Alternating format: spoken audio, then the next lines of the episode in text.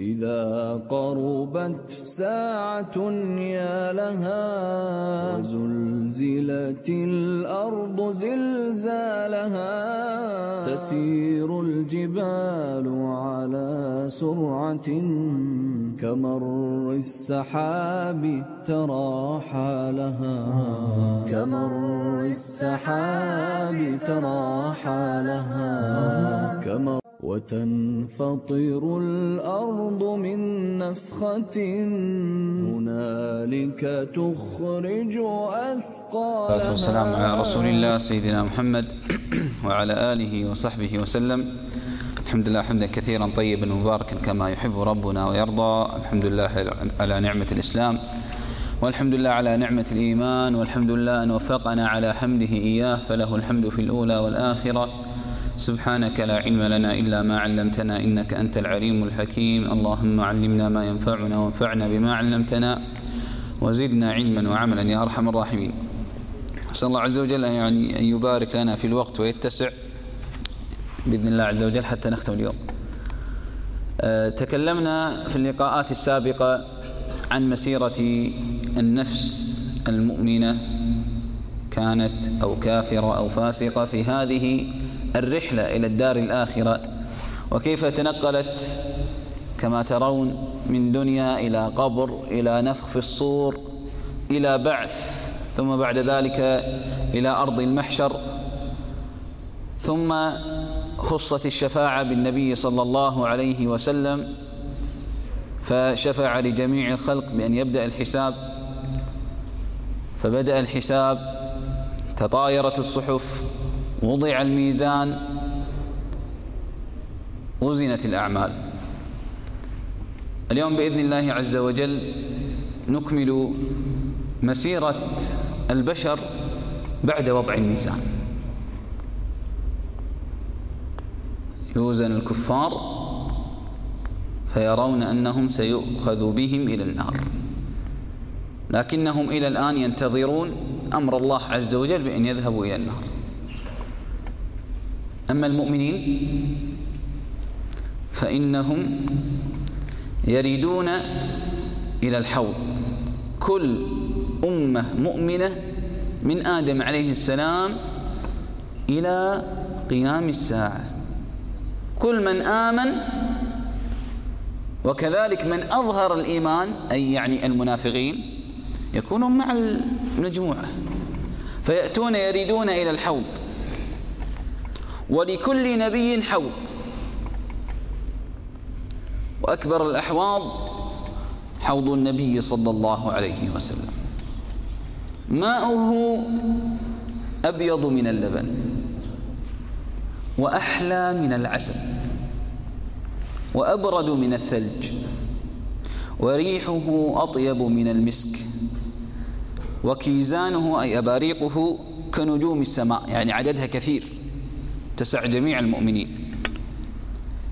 أصل هذا الماء يأتي من نهر الكوثر منبعه الذي أعطاه الله عز وجل في الجنة للنبي صلى الله عليه وسلم. إحنا الآن إلى أرض المحشر ما وصلنا الجنة لكن ينزل من الجنة يصب في حوض النبي صلى الله عليه وسلم. هذه من كرامة الله عز وجل للنبي صلى الله عليه وسلم. ترد عليه أمة النبي صلى الله عليه وسلم. أمة النبي صلى الله عليه وسلم ولا يرد غيرها من الأمم. من شرب منه شربة لا يظمأ بعدها أبدا. يوم القيامة يوم العطش يوم التعب يوم الفزع. الناس عطشة جوعة. من شرب من حوض النبي صلى الله عليه وسلم شربة واحدة فقط لا يظمأ بعدها أبدا. أي لا يعطش. طوله شهر. وعرضه شهر. وزواياه سواء. أي على شكل مربع. زواياه سواء. تعرفون المربع في الهندسة. فالطول يساوي العرض. فطوله شهر. وعرضه شهر. قال النبي صلى الله عليه وسلم إن لكل نبي حوضا وإنهم أي الأنبياء ليتباهون. أيهم أكثر واردا كل نبي يفخر على الآخر. من الذي ترد حوضه أمته صلى الله عليه وسلم أكثر؟ نبي يقول أنا أتت من أمتي ألف نبي يقول ألفين نبي يقول مئة ألف نبي يقول مليون. إذا تحب نبيك صلى الله عليه وسلم فاعمل على أن تريد حوضه. لكي يفتخر بك. لإخوانه الأنبياء بأنك قد وردت إلى حوضه صلى الله عليه وسلم. يقول النبي صلى الله عليه وسلم وإني لأرجو أن أكون أكثرهم ماردة يعني أكثر الأمم ترد إلى حوضه. وهذا من حبه صلى الله عليه وسلم لأمته عليه الصلاة والسلام. الناس النبي صلى الله عليه وسلم تكلم عن الحوض بينه في الواقع يعني عرضه لما أتى إلى ليقرب للنبي ليقرب للصحابة رضي الله عنهم فقال إن حوضي أبعد من بين أيلة إلى صنعاء. أيلة هي العقبة منطقة العقبة في الأردن الآن معروفة عند الحدود مع فلسطين المحتلة وكذلك في رواية أخرى يقول النبي صلى الله عليه وسلم إن سعة حوضي كما بين عدن وعمان. عمان في الأردن عاصمتها وعدن في اليمن. أي كالحديث الآخر السعة كما بين أيلة أي العقبة وصنعاء. وهذا يدل على سعة حوض النبي صلى الله عليه وسلم. يقول النبي صلى الله عليه وسلم وإني لأصد الناس عنه كما يصد الرجل. يعني في ناس أمنعهم وفي ناس أخصهم لكي يشربوا من حوضي. فقال الصحابة رضي الله عنهم وكيف تعرفنا يا رسول الله؟ كيف تعرفنا؟ أمم كثيرة إلى قيام الساعة من عصر الصحابة كم مسلم؟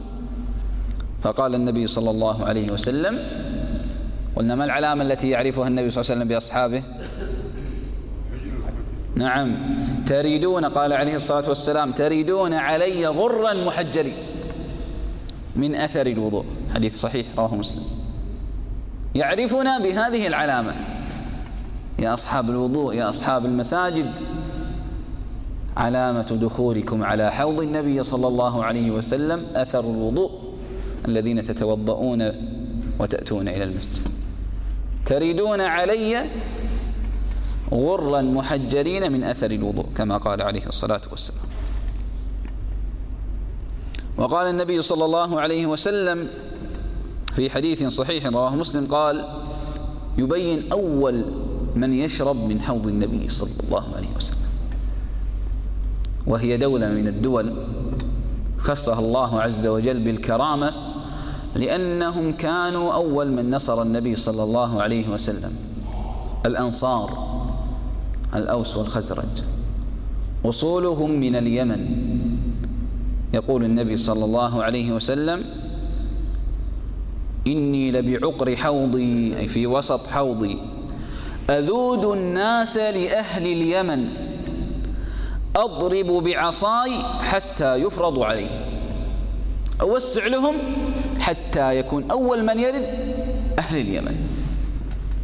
وأهل اليمن قد ورد فيهم أحاديث صحيحة كثيرة في فضلهم وذلك لأنهم كانوا أول من نصر النبي صلى الله عليه وسلم. فهذه بشارة لهم. نسأل الله عز وجل أن يفرج عنهم كربهم. والناس يأتون إلى حوض النبي صلى الله عليه وسلم والنبي صلى الله عليه وسلم تخيلوا في شوق إلينا. قلنا بكى النبي صلى الله عليه وسلم قال اشتقت لأصحاب اشتقت لإخواني. من أيام النبي صلى الله عليه وسلم وهو يشتاق إلينا عليه الصلاة والسلام. والآن أتيناه في أرض المحشر عند الحوض. فإذا ملائكة تخرج بين أصحاب النبي صلى الله عليه وسلم وأمته فتضرب بعضا من أفراد أمة النبي صلى الله عليه وسلم وتصرفهم عن الحوض. وتصرفهم عن الحوض. فالنبي صلى الله عليه وسلم يغضب أمته لا يرضى عليهم. فيقول للملائكة أمتي أمتي أمتي أمتي لماذا تضربونهم؟ لماذا تصرفونهم عن الحوض؟ قد بعضهم يتوضأ يعرفه النبي صلى الله عليه وسلم. كيف عرفه؟ بالعلامة غرا محجرين لكن صرفته الملائكة. صلى الله العافية. أمتي أمتي فتقول الملائكة لا تدري ماذا أحدثوا بعدك. غيروا سنتك بدلوا هديك لم يلتزموا بسيرتك. أحدثوا في الدين ابتدعوا أتوا بصلوات من عندهم أتوا بشريعة من عندهم تحاكموا لغير شريعتك حكموا قوانين غير كتاب الله وغير سنة النبي صلى الله عليه وسلم. لم يلتزموا لا في خلقهم ولا في خلقهم ولا في هديهم ولا في سمتهم ولا في حياتهم الخاصة والعامة بهدي نبينا صلى الله عليه وسلم. وكذلك أهل الكبائر الذي يصرون على الكبائر ولا يتوبون إلى الله عز وجل. تضرب تضربهم الملائكة ويصرفون عن شرف الشرب من حوض النبي صلى الله عليه وسلم. فيذاد كما ترون خرج لنا سهم من بعد الميزان لم يدخل الحوض وهو سهم المنافقين نسأل الله العافية. بهم بعض الإيمان لكن نافقوا فحرموا من الشرب من حوض النبي صلى الله عليه وسلم. وأما المؤمنين الصالحين فيأتون إلى النبي صلى الله عليه وسلم فيشربون من يده الشريفة شربة لا يظمؤون بعدها أبدا. ثم بعد ذلك في آخر يوم من أيام المحشر يأمر الله عز وجل بعد أن يتجمع الناس الآن شربوا من الحوض. فالآن بعد ذلك أتوا وتجمع المسلمون والمؤمنون والمنافقون والكافرون. الآن قلنا لم يؤمر بالكافرين أن يذهبون إلى النار. ما زالوا منتظرين في أرض المحشر. فجمعت الخلائق جميعها وانتهى المسلمون المؤمنون الصادقون من شربهم من حوض النبي صلى الله عليه وسلم شربة لم يظمأوا بعدها أبدا.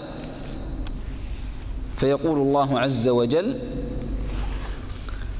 ليذهب كل قوم مع ما كانوا يعبدون. يأمر الله عز وجل كل قوم أن يتبعوا آلهتهم التي كانوا يعبدونها. فيذهب من كان يعبد الشمس الشمس يتبعها. ومن كان يعبد القمر القمر فيتبعونها. ثم تذهب الشمس فتقع في النار فيقعون بعدها.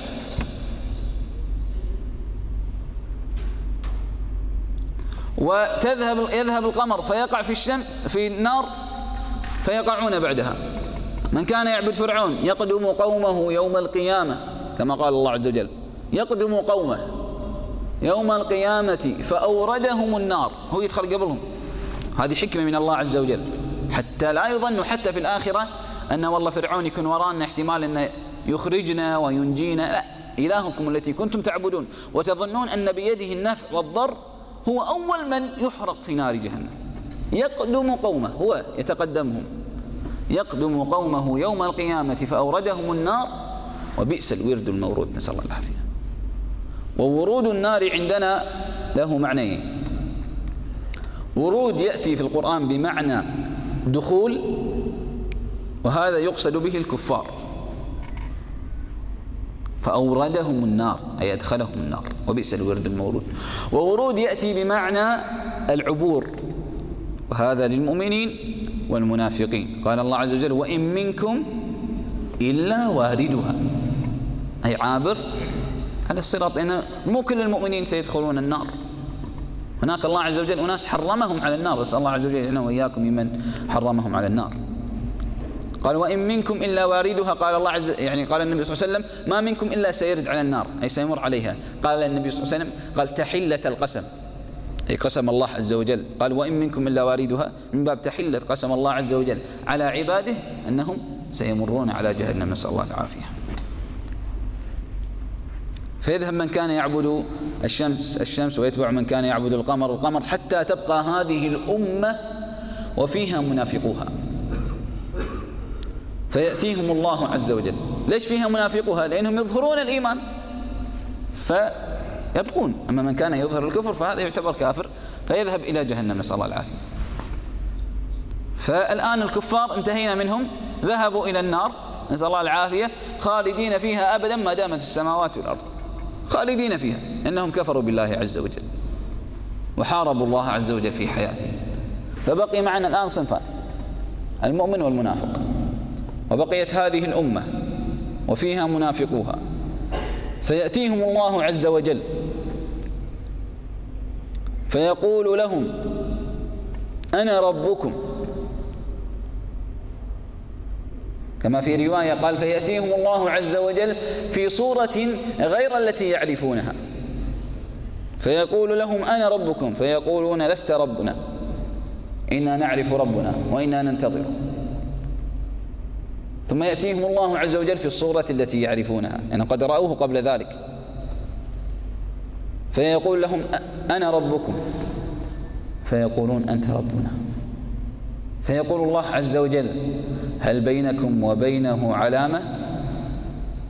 تعرفونها؟ هل بينكم وبين الله علامة تعرفونه بها؟ فيقولون نعم. فيقول ماذا؟ فيقولون الساق. فيكشف عن ساقه. سبحانه وتعالى. فيذهب من كان يسجد لله عز وجل خالصا لله حبا لله طوعا لله فيخر ساجدا لله. للجمال والعظمة والهيبة التي يراها. ساق الله عز وجل تليق بجلاله.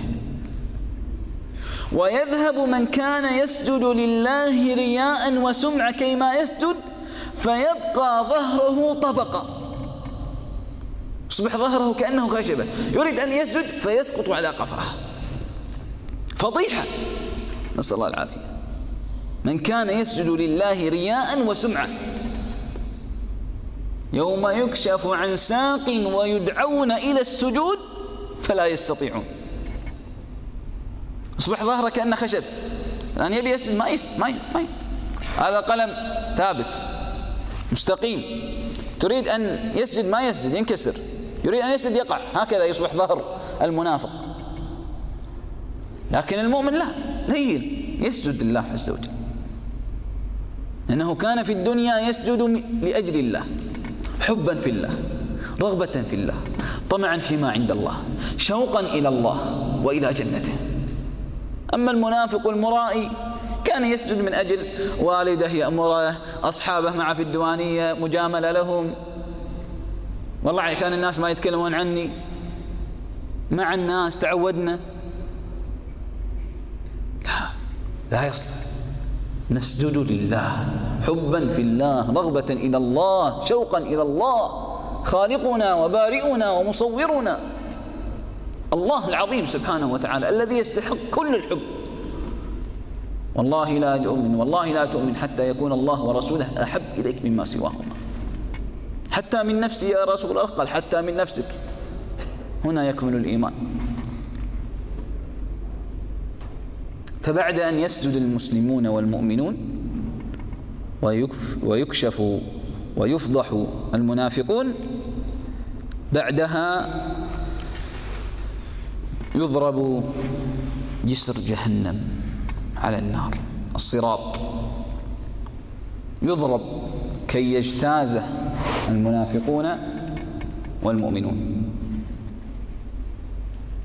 يقول النبي صلى الله عليه وسلم فأكون أول من يجيز. يعني أول من يجتاز الصراط. فأكون أول من يجيز. ودعاء الرسل يومئذ. رسل خير الأنبياء. ودعاء الرسل يومئذ. اللهم سلم. اللهم سلم. الرسل لا يأمنون على أنفسهم أن يسقطوا في نار جهنم. ودعاء الرسل يومئذ اللهم سلم اللهم سلم. والآن سأتكلم بعد قليل عن هيئة الصراط. ودعاء الرسل يومئذ اللهم سلم اللهم سلم. وبه كلاليب مثل شوك السعدان. أما رأيتم شوك السعدان؟ يقول النبي صلى الله عليه وسلم. قال الصحابة بلى يا رسول الله. قال فإنه مثل شوك السعدان غير أنه لا يعلم قدر عظمها, قدر عظمتها إلا الله عز وجل. فتخطف الناس بأعمالهم فمنهم الموبق ومنهم المخدل ثم ينجون. سئل النبي صلى الله عليه وسلم عن الصراط فقال مدحضة مزلة. أي لما نقول أرض مدحضة يعني يزلق فيها الرجل وتزلق فيها الدابة ما تستطيع أن تثبت. مزلة أي تسقط بها الأقدام. عليها خطاطيف وكلاليب. معنى الكلاب حديدة معكوفة الرأس. وحسكة مفلطحة أي حديدة صفيحة من حديد عريضة. لها شوكة عقباء. يعني كذلك شوكة في طرفها معوي معوجة. تكون بنجد يقال لها السعدان رواه البخاري. فتخيل صفائح في طرائفها. معوجة حديدة معوجة وكذلك خطاطيف وكلاليب تكون وأنت تمشي على الصراط تأتيك هذه الخطاطيف والكلاليب تضرب. فمنهم من تجرحه منهم من تقطع يده منهم من تجر رجله فيسقط. يقول النبي صلى الله عليه وسلم عن الصراط الذي الآن الإنسان لو وضعنا له مو صراط حبل ولا مثلا سجاد كبير ويضرب بأشياء ربما ما يستطيع أن يثبت على هذا الشيء. فما بالك بصراط قال عنه النبي صلى الله عليه وسلم أدق من الشعرة. حين لو أرفع شعرة ما ترونها يمكن. أدق من الشعرة وأحد من السيف. كيف سنمشي عليه؟ كيف الإنسان سيعبر الصراط؟ وبه كلاليب يعني لو فقط صراط وأدق من من الشعرة وأحد من السيف ربما الإنسان ما يستطيع أن يعبره. كيف ومع ذلك؟ هناك عوامل أخرى خارجية. كلاليب تخطف الناس وكلاليب تضربهم. وحسكة مفلطحة تضربهم كذلك. أمر مهول. يقول النبي صلى الله عليه وسلم أول من يعبر الصراط من الأنبياء النبي صلى الله عليه وسلم ومن الأم ومن الأمم أمته لقوله صلى الله عليه وسلم فأكون أنا وأمتي أول من يجيزها أي الصراط. ولا يتكلم ولا يتكلم يومئذ إلا الرسل ودعاء الرسل يومئذ. اللهم سلم اللهم سلم ولا ينجو من الصراط إلا المتقين. قال جل وعلا ثم ننجي الذين اتقوا ونذر الظالمين فيها جثيا يقول النبي صلى الله عليه وسلم واصفا عبور المنافقين وعبور المؤمنين في الحديث يقول يجمع الله الناس يوم القيامة. إلى أن أتى الصراط قال فمنهم من يعطى نوره مثل الجبل بين يديه. جبل مؤمن يمشي ومعه نور كأنه جبل يضيء له الصراط حتى يرى الطريق. فكيف سيمشي؟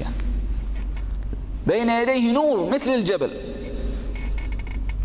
ومنهم من يعطى نوره فوق ذلك أي فوق الجبل. ومنهم من يعطى نوره مثل النخلة بين يديه بيمينه ومنهم من يعطى دون ذلك بيمينه حتى يكون آخر من يعطى نوره في إبهام قدمه. يضيء مرة ويطفئ مرة. أقلهم فقط إبهام قدمه يضيء مرة ويطفئ مرة. إذا أضاء قدم قدمه وإذا أطفأ أقام وقف. ما يستطيع إن تقدم ربما يسقط. قال النبي صلى الله عليه وسلم قال فيمر ويمرون على الصراط والصراط كحد السيف دحض مزلة ويقال لهم امضوا على قدر نوركم. كل واحد على حسب نوره. يوم يقول المنافقون والمنافقات للذين آمنوا انظرونا نقتبس من نوركم. المؤمنين يوم القيامة عندهم نور. كالجبل كالنخلة كأكبر من الجبل كأقل من النخلة كما قال النبي صلى الله عليه وسلم ورد في الحديث. لكن المنافق ليس لديه نور وإنما يستضيء بالصراط عن طريق نور المؤمنين. المؤمن صاحب نور فيتقدم يمشي بسريع. المنافق ما عنده نور فيقول للمؤمن انظرونا يعني انظروا إلينا انتظرونا. نقتبس من نوركم يعني توقفوا وتمهلوا حتى نرى الطريق بسبب نوركم. انظرونا نقتبس من نوركم.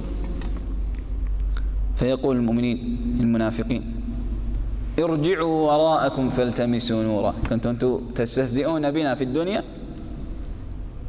ارجعوا وراءكم فالتمسوا نورا.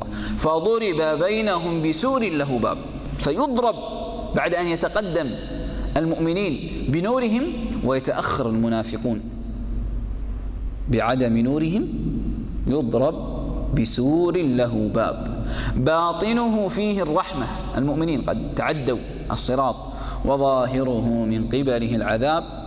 المنافقين ينطفئ النور ويضرب الباب فيمتنع نور المؤمنين لهم فيصبحون في ظلمة فيسقطون في نار جهنم. نسأل العافية. ليس لديهم نور فما يستطيعون أن يمشون في الصراط. فضرب بينهم بسور له باب باطنه فيه الرحمة وظاهره من قبله العذاب. ينادونهم المنافقين الآن ينادون المؤمنين ألم نكن معكم؟ كنا نصلي معاك ونذهب الحج معاك. لكن رياء ألم نكن معكم؟ فيجاوبهم المؤمنين بلى ولكنكم فتنتم أنفسكم. اغتريتوا في الدنيا. وتربصتم كنتم تستهزئ تستهزئون بالمسلمين عندما يكونوا مستضعفين. يقتلون المسلمين وتستهزئون بهم. أطفال المسلمين يقتلون تستهزئ بهم. نساء المسلمين ينتهك عرضهم. لا تعليق. يطلب منك الدعاء للمسلمين. يمتنع وتربصتم وارتبتم. ما كان عندك وضوح ما كان عندك ثقة في منهجك في دينك في إسلامك. ما كنت تفتخر في دينك في كتاب ربك في سنة نبيك صلى الله عليه وسلم. وارتبت تخجل أن تظهر إسلامك. تخجل أن تظهر صلاتك التزامك طاعتك زكاتك حجك قراءتك للقرآن أينما كنت. وارتبتم وغرتكم الأماني. سأموت. العمر طويل. حتى جاء أمر الله. وغركم بالله الغرور. نسأل الله العافية. فيسقط المنافقون في نار جهنم. نسأل الله العافية. بعد أن تأتيهم الكلاليب والخطاطيف فيسقطون في نار جهنم.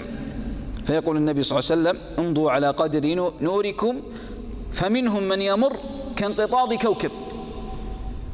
سريع. ومنهم كلمح البصر. المؤمنين. ومنهم كأجاويد الخيل. سريع. ومنهم كشد الرجل. يعني رجل يمشي يركض. يرمل رملا على قدر أعمالهم كل إنسان على قدر عمله. الذي يعمل صالحات هذا بخطفة بصر. الذي شوي قليل في الأعمال الصالحات هذا كالريح. لأقل كشد الرجل. رملا على قدر أعمالهم حتى يمر الذي نوره على قدر إبهامه. هذا قلنا أقل شيء. مؤمن لكن أعماله قليلة.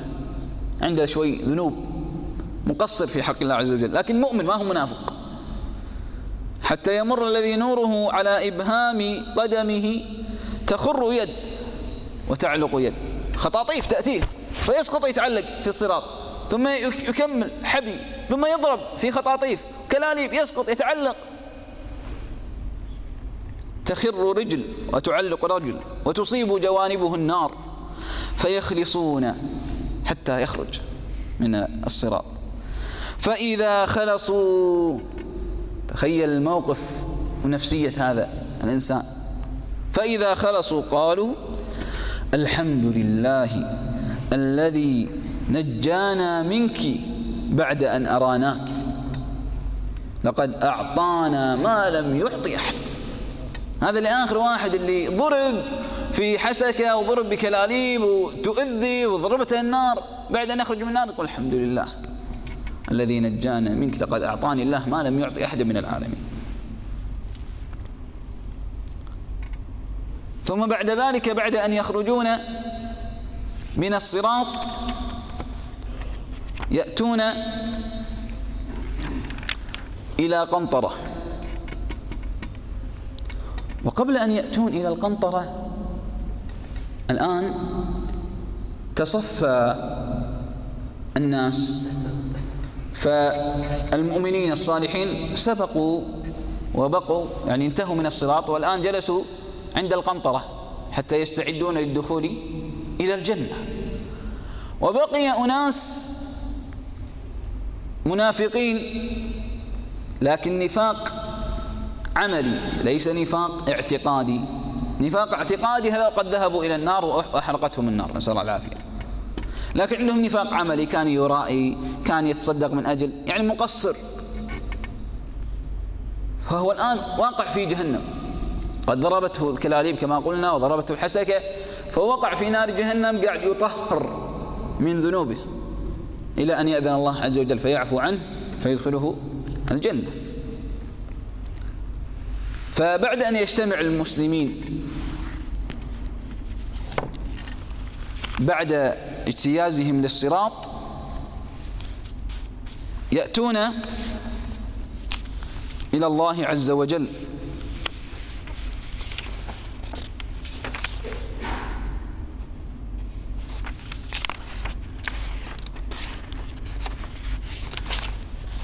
فيقولون يا ربنا إن لنا إخوانا كانوا يصلون معنا ويصومون معنا ويتصدقون معنا لا نراهم معنا. اجتزنا الآن الصراط لكن كان هناك إخوان نشوفهم في المساجد وكان حجوا معانا في سنة من السنوات واعتمروا معانا وكل رمضان نشوفهم في العمرة. وفي التراويح. ومعانا في الديوانية. وعندنا صيام اثنين وخميس. كانوا يصلون معنا ويصومون معنا ويتصدقون معنا. ما لنا لا نراهم. ما رأيناهم اجتازوا النار. ولم يجتازوا الصراط. فيقول الله عز وجل اذهبوا إلى النار فأخرجوا من عرفتم منها. هذا فضل الصحبة الصالحة. الصحبة الصالحة استكثروا من الصالحين. علنا أحد الصالحين يخرجنا يوم القيامة. كان ابن الجوزي رحمه الله يقول عندما يعظ الناس ابن الجوزي من تواضعه رحمه الله يقول إذا رأيتموني في النار فأخرجوني فقولوا كان يعظنا وكان يذكرنا رحمه الله. وهذا من تواضعه. نسأل الله أن يتغمده برحمته سبحانه وتعالى. فيقول الله عز وجل أخرجوا من عرفتم منهم. فتخيل الموقف. فيذهبون إلى النار فيعرفونه. وإن الله قد حرم على النار أن تحرق مواضع السجود منهم. كرم المؤمن. وإن كانوا يعذبون في النار بسبب معاصيهم ويطهرون لكن الله عز وجل حرم على النار أن تمس مواضع السجود.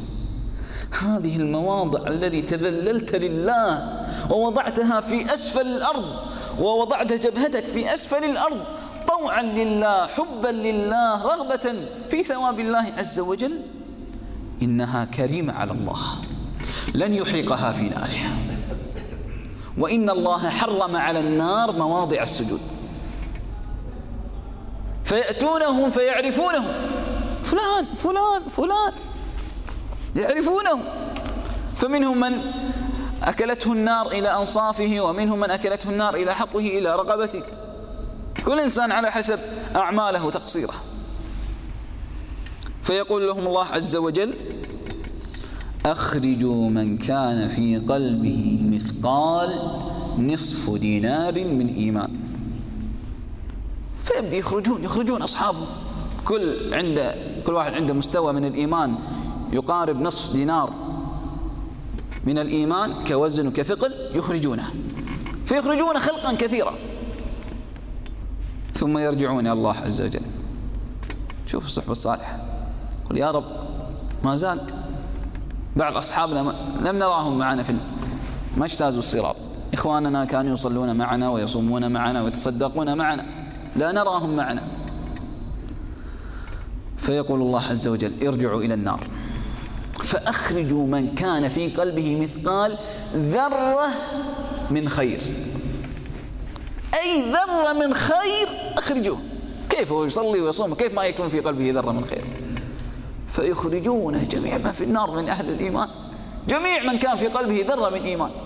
يخرجونهم يخرجون خلقا كثيرا. كثير كثير كثير. كل من كان في قلبه ذرة من إيمان. ثم يقول أبو سعيد راوي الحديث إن لم تصدقوني بهذا الحديث الحديث صحيح. قال إن لم تصدقوني بهذا الحديث فاقرأوا إن شئتم إن الله لا يظلم مثقال ذرة. شوف الآن لما إحنا نتفكر ونسمع حديث النبي صلى الله عليه وسلم ونسمع الآيات يصبح تصور الآن غير. وخشوعنا وتدبرنا للآيات غير. إن الله لا يظلم مثقال ذرة. وإن تك حسنة يضاعفها ويؤتي من لدنه أجرا عظيما. فيقول الله عز وجل الكريم الرحيم الرحمن الملك المنان. يقول شفعت الملائكة وشفع النبيون وشفع المؤمنون ولم يبق إلا أرحم الراحمين. ولم يبق إلا أرحم الراحمين. فيقبض قبضة من النار فيخرج أقواما لم يعملون عملا صالحا قط. فيدخلهم الجنة. من غير خير قدموه ولا عمل عملوه. منة. كرم من الله رحمة من الله. ما أرحم الله عز وجل بنا. يقبض قبضة فيدخلهم الجنة من غير عمل عملوه ولا خير قدموه. يعرفهم أهل الجنة فيشيرون إليهم فيقولون هؤلاء عتقاء الرحمن من النار اعتقهم. من غير عمل عملوه ولا خير قدموه. رحمة من الله. رحيم. لكن يريدنا أن نتوب أن نتقرب إليه أن نتوب أن نرجع إليه أن نعمل الصالحات التي يرضاها لنا سبحانه وتعالى. ثم بعد ذلك يأتون إلى القنطرة بعد أن يخرجون من النار والصراط. فهنا يتصافى المسلمون. من كان على حق على أخيه لطمة ليست الدماء الدماء انتهينا منها. هنا اللطمة السبة الغيبة النميمة فيما بين المسلمين. يقول النبي صلى الله عليه وسلم فيحبسون على قنطرة بين الجنة والنار. هنا كما في الصورة. فيقتص بين القنطرة بين الجنة والنار. فيقتص لبعضهم من بعض مظالم كانت بينهم في الدنيا. حتى إذا هذبوا ونقوا خلاص. الله قال ونزعنا ما في صدورهم من غل. ما في أحد يدخل الجنة وفي قلبه غل على أحد. حتى إذا هذبوا ونقوا أي في القنطرة أذن لهم في دخول الجنة. فوالذي نفس محمد بيده لأحدهم أهدى بمنزله في الجنة منه بمنزله كان في الدنيا. الآن لو واحد مثلا ابتلي مثلا بضعف النظر أو يعني بعض الأمراض وطول عمره يذهب من بيته إلى المسجد. لو تركته قدر يوم من الأيام السايق ما معه أو شيء راح يذهب ويخرج من بيته إلى المسجد تقريبا ويصل بسلام. لماذا؟ لأنه كل يوم يذهب. خلاص بيته يعرفه. الآن لو نربط إنسان عينه ويقول مثلا اذهب الآن سنخرجك من المسجد واذهب إلى بيتك. هو كل يوم يأتي إلى المسجد فيتخيل الطريق ويذهب. في الجنة تعرف بيتك أكثر من معرفتك في الدنيا. إلهام من الله بأن هذا بيتك فتذهب إليه. شوف الكرم والعظمة من الله عز وجل. ثم بعد ذلك يأتون إلى باب الجنة. تخيل جميع المؤمنين يأتون إلى جنة عرضها السماوات والأرض يريد أن يدخلونها في شوق إلى أن يرونها.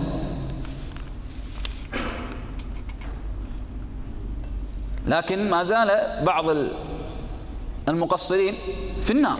لكن هؤلاء السابقون كما قال يعني في أحاديث كثيرة تبين أن أهل الجنة يدخلون على دفعات. فالفقراء يدخلون أول ناس ثم بعد ذلك الأغنياء ثم بعد ذلك وهكذا. فأول ما يريد المسلمين أن يدخلون الجنة فتقول لهم ملائكة إنا لم نؤذن أن نفتح أبواب الجنة إلا لرجل واحد. أفيكم محمد صلى الله عليه وسلم؟ فإنا أمرنا أن لا نفتح إلا لمحمد صلى الله عليه وسلم. فيأتي النبي صلى الله عليه وسلم ليشفع لجميع الخلائق مرة أخرى بأن يأذن الله عز وجل أن يفتح الجنة للخلق. فأتى النبي صلى الله عليه وسلم فيكون أول من يفتح الجنة وأول من يدخل الجنة ثم بعد ذلك تدخل الأمم. الجنة لبن من فضة ولبن من ذهب ملاطها المسك وحصباؤها اللؤلؤ والياقوت وتربتها الزعفران. من أراد أن يبني له بيتا في الجنة فليصلي اثنتي عشرة ركعة كما قال النبي صلى الله عليه وسلم من صلى في اليوم اثنتي عشرة ركعة بني له بيت في الجنة. وفيها ثمانية أبواب منها باب الريان لا يدخل منه إلا الصائمون. ويأتي عليه يوم يقول النبي صلى الله عليه وسلم عرض هذا الباب ثلاثة أيام عرضة. يأتي عليه يوم يكون مزدحم. كثرة من يدخل الجنة. يكون مقتض بكثرة من يدخل الجنة.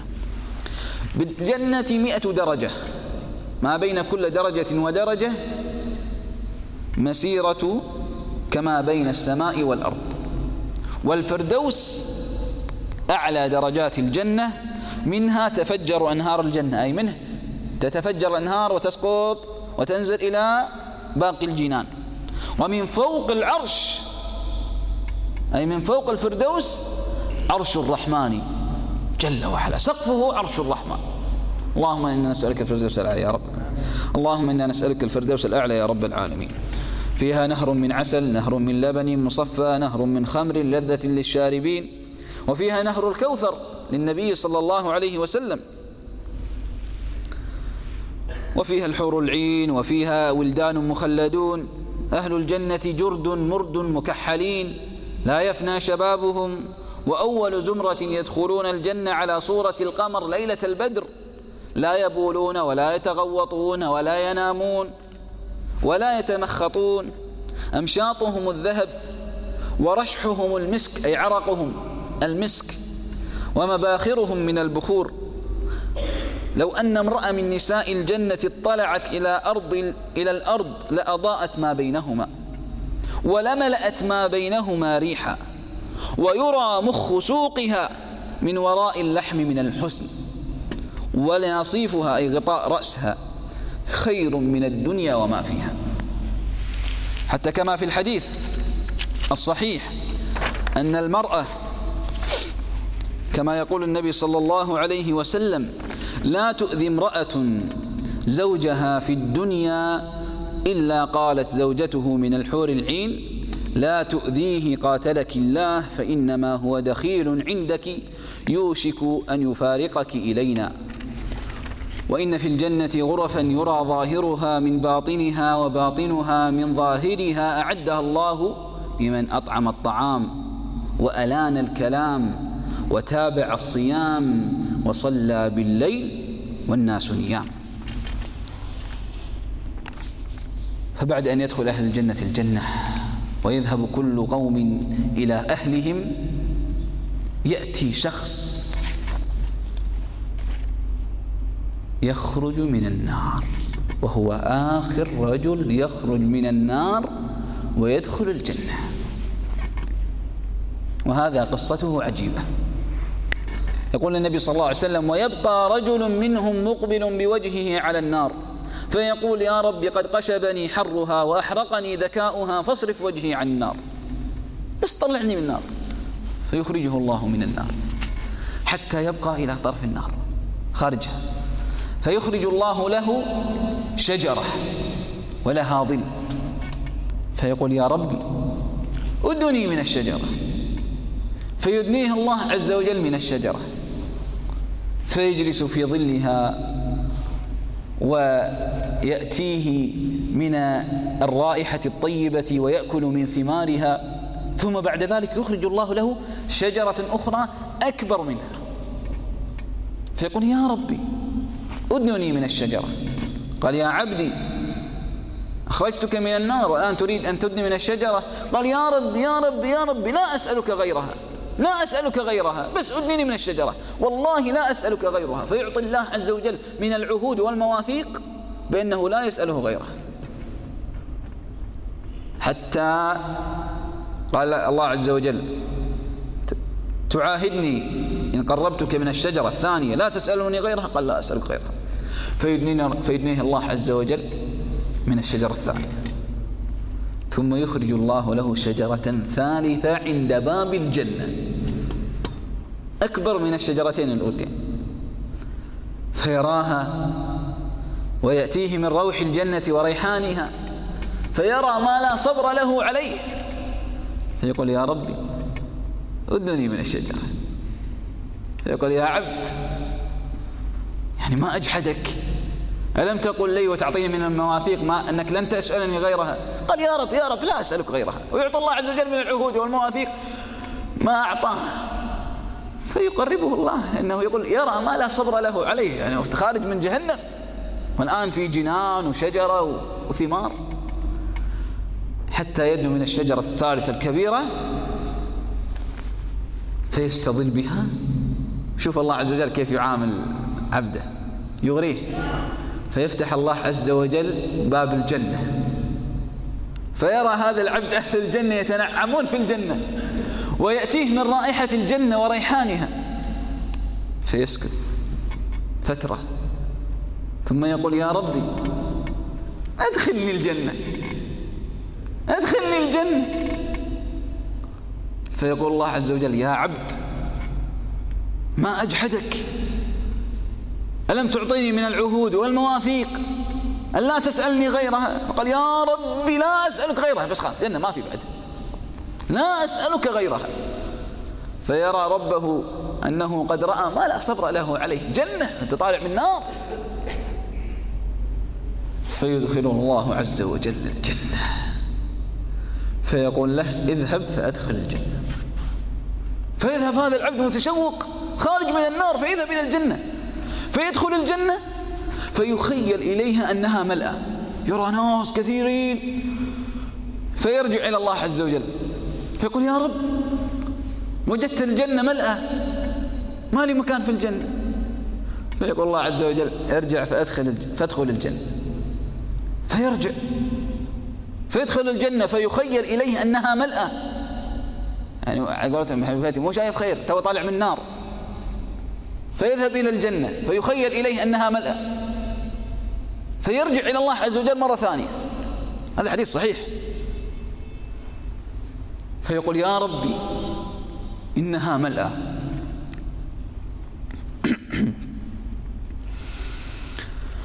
فيقول الله عز وجل اذهب فادخل الجنة فإن لك مثل الدنيا وعشرة أمثالها.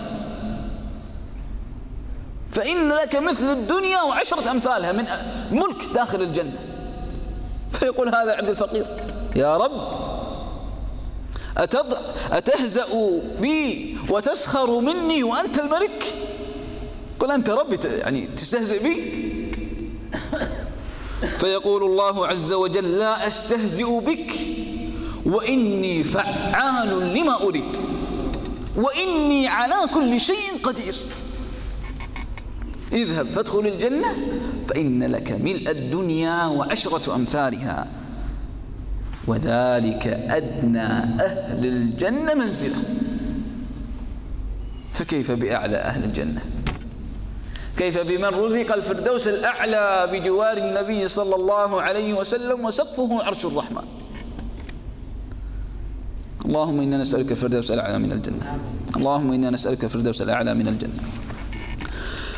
ونختم حتى إذا كان أهل الجنة في الجنة يتنعمون مع أهليهم ومع الحور العين ومع أزواجهم في الدنيا إن كانوا صالحين ومع الأولدان المخلدون ومع الصحابة رضي الله عنهم والنبي صلى الله عليه وسلم. فإذا نور يتلألأ في سماء الجنة. فيرفعون رؤوسهم فإذا هو الله جل وعلا سبحانه وتعالى بعظمته وملكه ونوره وجماله قد اطلع على خلقه.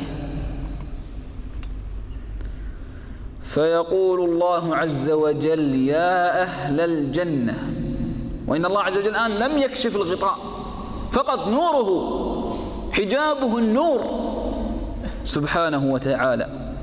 فيقول يا أهل الجنة فيقولون يسمعون الصوت يقولون لبيك ربنا وسعديك والخير كله في يديك. فيقول الله هل رضيتم؟ هل رضي الله العظيم. أدخلنا الجنة ويسألنا بعد ذلك هل رضيتم؟ فيسأل أهل الجنة هل رضيتم؟ فيقولون وما لنا لا نرضى يا رب. وما لنا لا نرضى يا رب. وقد أعطيتنا ما لم تعط أحدا من خلقك. ألم تبيض وجوهنا؟ ألم تنعمنا؟ ألم تسعدنا؟ فيقول الله ألا أعطيكم أفضل من ذلك؟ فيقولون يا رب أي شيء أفضل من ذلك؟ بس أفضل شيء في الجنة. فيقول أحل عليكم رضواني فلا أسخط عليكم أبدا. فيكشف الحجاب. فيرون الله عز وجل جهرا عيانا. نور ليس كمثله شيء وهو السميع البصير. نور على نور. جمال. إن الله جميل يحب الجمال. يرون الله عز وجل ويشخصون بأبصارهم إليه فلا تطرف أبصارهم شوقا ورغبة في النظر إلى الله عز وجل. حتى تمضي عليهم سنوات لا يطرفون بسبب نظرهم إلى الرحمن الرحيم الجميل الكريم سبحانه وتعالى. فإذا أحل الله عليهم رضوانه ورضي عليهم فلا يسخط عليهم أبدا يأتي بعد ذلك مناد فينادي يا أهل الجنة يا أهل الجنة. فيشرئبون يستبشرون يعني يرفعون رؤوسهم. ماذا؟